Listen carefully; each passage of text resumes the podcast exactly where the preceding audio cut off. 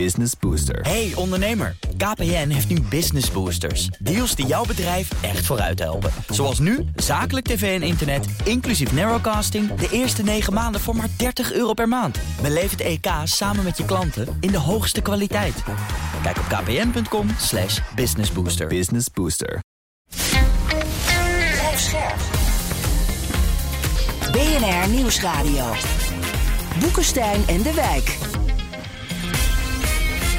Hugo Reitsma. Welkom bij Boekenstein en de Wijk. Het is dinsdag dag 608 van de oorlog in Oekraïne, Israël dag 18. En vandaag kijken we naar wat de Amerikanen kunnen slash moeten doen om te voorkomen dat de situatie in het Midden-Oosten nog verder escaleert, geloof ik hè? Ja, en dat doen we aan de hand van een Foreign Affairs artikel van Richard Haas. Dat is natuurlijk een hele bekende commentator, hè? ook voorzitter van de Council of Foreign Relations was die. Hij is nu geloof ik uh, met. Hij zit heel vaak in de podcast uh, GPS met uh, Fareed Zakaria. Het artikel heet What Friends Oh Friends en waarom Washington zou moeten proberen om Israël af te houden van een invasie. Hè? Dus we gaan het hebben over de invasie. En, dat, en sommige mensen zeggen dat die binnen een paar dagen gaat beginnen. Nou, wat zijn zijn argumenten tegen de invasie? Ik zeg er maar van tevoren bij dat ik het er hartstikke mee eens ben. De kosten zijn groter dan de baten. Hè. Er zullen heel veel burgerslachtoffers vallen. En dat leidt tot alleen maar meer steun van Hamas, de paddenstoelentheorie. Maar ook Israëlische, heel veel Israëlische soldaten zullen erbij opkomen. En er zullen ook nog veel meer Israëlische soldaten gegijzeld worden. Hè. Tweede is natuurlijk dat ja, je verliest natuurlijk internationale steun. Hè. Dat, dat, zal echt uh, ontzetting zijn. Nou, dat mm. zien we afgelopen dagen al gebeuren. Mm. Derde argument is natuurlijk de regionale escalatie. Hezbollah, Syrië, Iran. Mm. Misschien zelfs tussen Saoedi-Arabië en Iran. Dan ben je helemaal klaar. Hè? Um, en verder zegt hij, er is helemaal geen alternatieve autoriteit voor Hamas. Want ja, de PLO is corrupt en heel verzwakt en heel erg impopulair. Hè? Dus met andere woorden, is het niet gewoon veel slimmer, zegt Haas, gewoon targeted strikes. Hè? Dus echt pinpointen op die Hamas-leiders. Hmm. En dan weet hij, hij weet ook wel dat dat hartstikke lastig is. Maar daarmee kan je misschien voorkomen dat Hamas nog een, een factor van betekenis kan zijn. Hmm. Hmm. Hey, even voor mijn duidelijkheid, pleit Haas nou voor, het, voor uitstel of afstel van een echte invasie? Hij, is, hij, tegen een massieve invasie. En hij, is ja, voor hij pleit voor uh, chirurgische operaties, zoals dat exact, uh, heet. Exact. Alleen weet je, ja, je moet zomaar even verder gaan uh, samenvatten, Arend-Jan, maar misschien even dit punt. Ja, hoe wil je dat nou doen? Ik probeer me altijd voor te stellen hoe je dat wilt. Ten eerste zitten de belangrijke leiders zitten helemaal niet in, die zitten niet in Gaza, maar die zitten in Qatar, in de villa's. die onderhandelen gezellig op dit ogenblik. je kunt absoluut kun je wel een aantal doelenwitten die aan uh, Hamas zijn gelieerd, commandoposten, hoofdkwartieren, uh, die, kun je, die, kun je zeker, die kun je zeker kapot maken. Maar of je daar veel strijders mee, mee raakt, dat is nog maar echt de vraag. ga je de stad in, dan krijg je natuurlijk diezelfde ellende. Dan moet je de tunnels in waar die lui zitten. Nou, die haal je er ook niet zomaar uit. Dus dat, dat, die chirurgische aanvallen, het is wel heel erg lastig hoor. Ik denk dat het enige wat je zou kunnen doen, is uh, uh, bombarderen.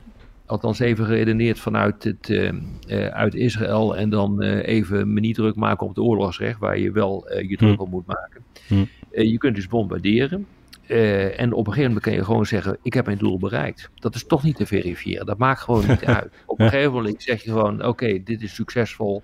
En ik heb nu uh, Hamas uh, zo ver teruggebombardeerd dat ze de komende jaren niks meer kunnen betekenen. Hmm. Ik, het zou mij niet verbazen als er zoiets gaat gebeuren. Ja, ja, ja. Want daarmee zou je dus die regionale escalatie misschien kunnen voorkomen. Zeker, ja. ja. En waar, Haas, en waar Haas ook over schrijft, vond ik wel interessant. Van, stel eens voor dat het toch misgaat met de regionale escalatie. Dan moet je dus nu wel een beleid hebben dat je communiceert met Iran, zegt hij.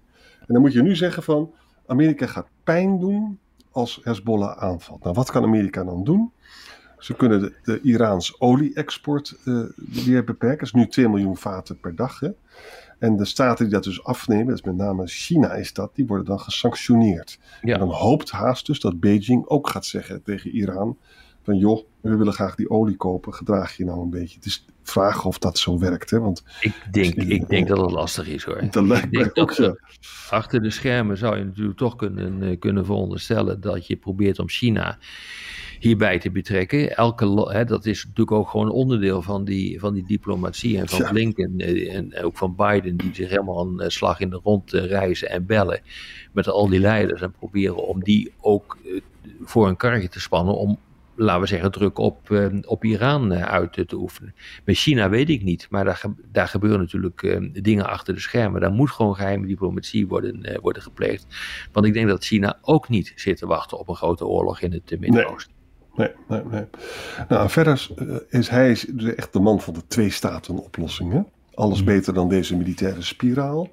En dan maakt hij een vergelijking met eh, Ierland. Hè? Dus je moet een goede veiligheidspresentie hebben. Het moet er veilig zijn. En dan tegelijkertijd eh, onderhandelen. Hè? De Good Friday Agreement. En, en constant maar weer uitleggen aan de- Israël. Je kunt geen democratische eh, staat blijven zonder een twee-staten-oplossing. Omdat de Hm. Palestijnen straks in de meerderheid zijn. Hè? Ja. En wat ik zelf een beetje hoop is dat heel misschien. Israël heeft dus alles geprobeerd, hè? militaire dingen en zo. Het heeft allemaal niet gewerkt. Israël komt er ook achter dat je een ideologie niet kan militair kan vernietigen. Je kunt alleen maar mensen vernietigen, maar dan krijg je nog meer mensen. De zoon van de vader wordt het dan. Hè? Dus dan is misschien gaan mensen dan toch weer denken aan een twee-staten oplossing. Ja. Nou, dat is wel een belangrijk punt wat je nu ma- maakt hoor. Want Hamas is niet alleen maar een organisatie met leiders en strijders. Dit is ook een politieke organisatie. Het is een ideologie. Het is, een, het, het is veel meer dan alleen maar een, een, een, een militaire organisatie. Kortom, een ideologie. Die kan je niet snel slopen hoor. Want ik denk dat, dat dat wordt vrij breed gedeeld, ook in, eh, in de Gazastrook. Wat, eh, de, aan de grieven die Hamas heeft, maar ook, laten we zeggen, die ideologie die erachter zit. En Maar ja, ik vraag me ook af, misschien, eh, maar wat is nou dan zo'n sta- twee-staten-oplossing? Hoe moet ik me dat nou voorstellen? Heb jij enig idee, Arjan? Nou, de, de gedachte is heel grofweg hè, dat in de Westbank wordt er dus een, eh, een grens gesteld aan de illegale settlements. Dat is natuurlijk al heel erg lastig, maar dat zal, zal betekenen dat er minder illegale settlements worden toegestaan. Hè? Ja. En dan komt er dus een corridor naar de Gazastrook. En dan hopen ze dat dat dan een, een, een levensvatbare staat eh, kan zijn. Even, even over het punt, moet je eens kijken hoe Indonesië nou naar deze oorlog kijkt. Hè? Indonesië is het, het land waar wonen heel veel moslims. Die vinden natuurlijk, ja luister eens, dus de Palestijnen worden gewoon heel slecht behandeld. Hè? Mhm. En, en, en eh, Israël zou dus uit die negatieve spiraal kunnen komen als ze uiteindelijk toch gaan meewerken aan zo'n twee-staten-oplossing. Waarbij je overigens ook in de, in de Negev-woestijn heb, heb je daar natuurlijk ook ruimte voor hè, om dat erbij te betrekken. En eh dat zou natuurlijk ongelooflijk veel helpen. Te meer ook omdat dit conflict is dus weer helemaal terug. Hè? Het is helemaal terug. En heel veel mensen in de wereld, eh, niet alleen Indonesië, maar ook eh, landen in Afrika, maar ook zelfs in Zuid-Amerika, die, en ook in India natuurlijk, wonen ook heel veel moslims in India. Hè? En die, die zijn natuurlijk ongelooflijk ongelukkig met wat Israël hier doet. En, daar, Mhm. en, en daar betaalt het Westen, de bondgenoten van, van eh Netanyahu in het Westen, die betalen daar een prijs voor, omdat hun eigen bevolking eh, eh, voor een groot deel ook, voor, voor een steeds groter deel uit moslims bestaat. Hè? Dus alles hangt met alles samen. En ik denk toch dat, het, dat je, moet, je moet blijven proberen te werken aan die twee-staten-oplossing. Er stond vandaag een hele mooie column van Thomas Friedman in de New York Times, waar ik het helemaal mee eens ben. Die ook dus een invasie, net als Richard Haas, er kan alleen maar ellende uit voortkomen, zegt hij. Nou ja, wat dat betreft zeggen wij hetzelfde. Ja. Ja, en dat heeft gewoon te maken met het feit dat het militair technisch gewoon niet mogelijk is. Althans niet goed mogelijk is. En ik heb Ja, helemaal in het ja. begin van de oorlog uitgelegd wat je kunt doen.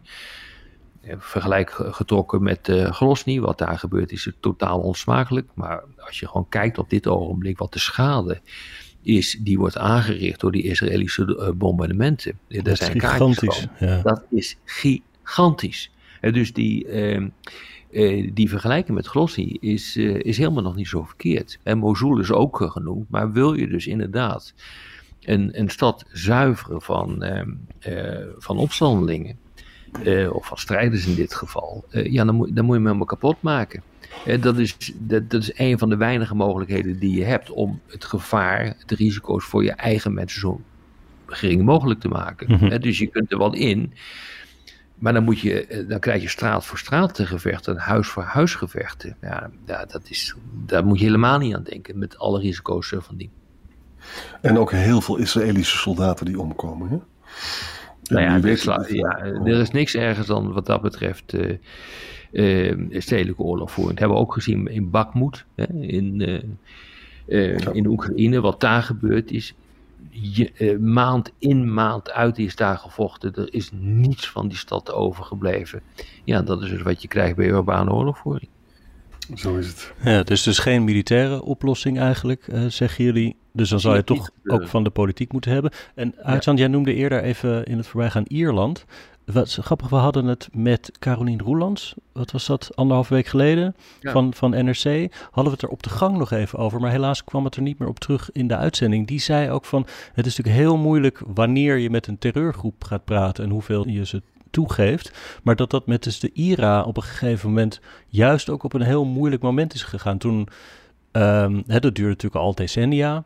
En toen was volgens mij, had, het, had de IRA juist een aanslag in dat hotel op Thatcher gepleegd. En die, die Lord eh, vermoord, heet hij ook alweer? Ja, weet Oh, ja.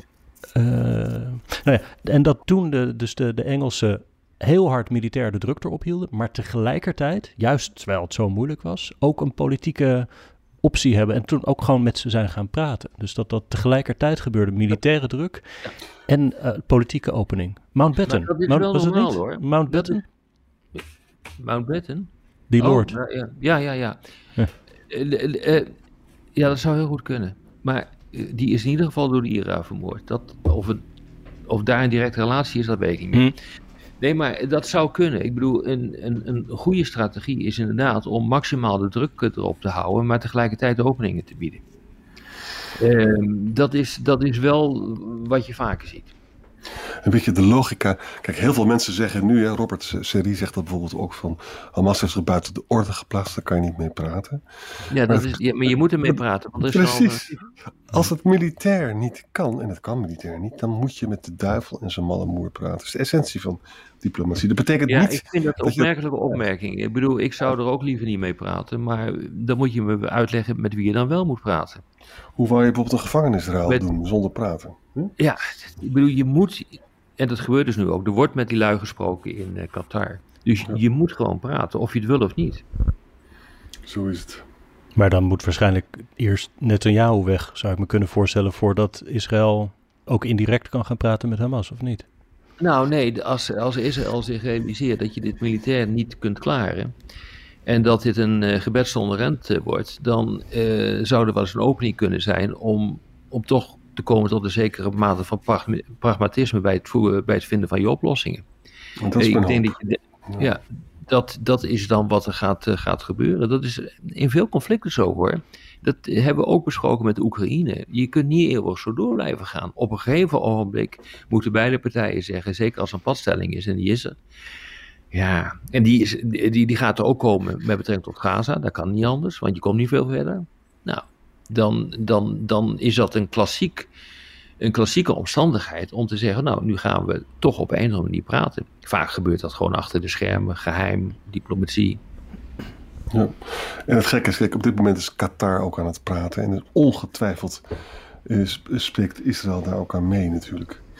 Dus ik denk dat eh, het is eigenlijk allemaal voor de bühne dat ze zeggen dat er niet meer te praten valt. Hè? Want ze willen graag eh Israëli's ook vrij krijgen. Nou, ik denk dat eh degene die met eh, Hamas praten, eh, dat die ook achter de schermen eh gepolst hebben bij eh, Israël. Wat vinden jullie ervan? Dat, dat kan bijna niet anders. En de Amerikanen zitten er natuurlijk volop in. Eh, dus dat loopt misschien over, twee- over twee, drie schijven. Maar uiteindelijk weet, je, eh, weet Israël echt heel goed wat daar gebeurt hoor. En het trieste is dat ze alleen praten over de foreign eh hostages. Hè? Dus de, de niet-Israëlische. Ja. Ja.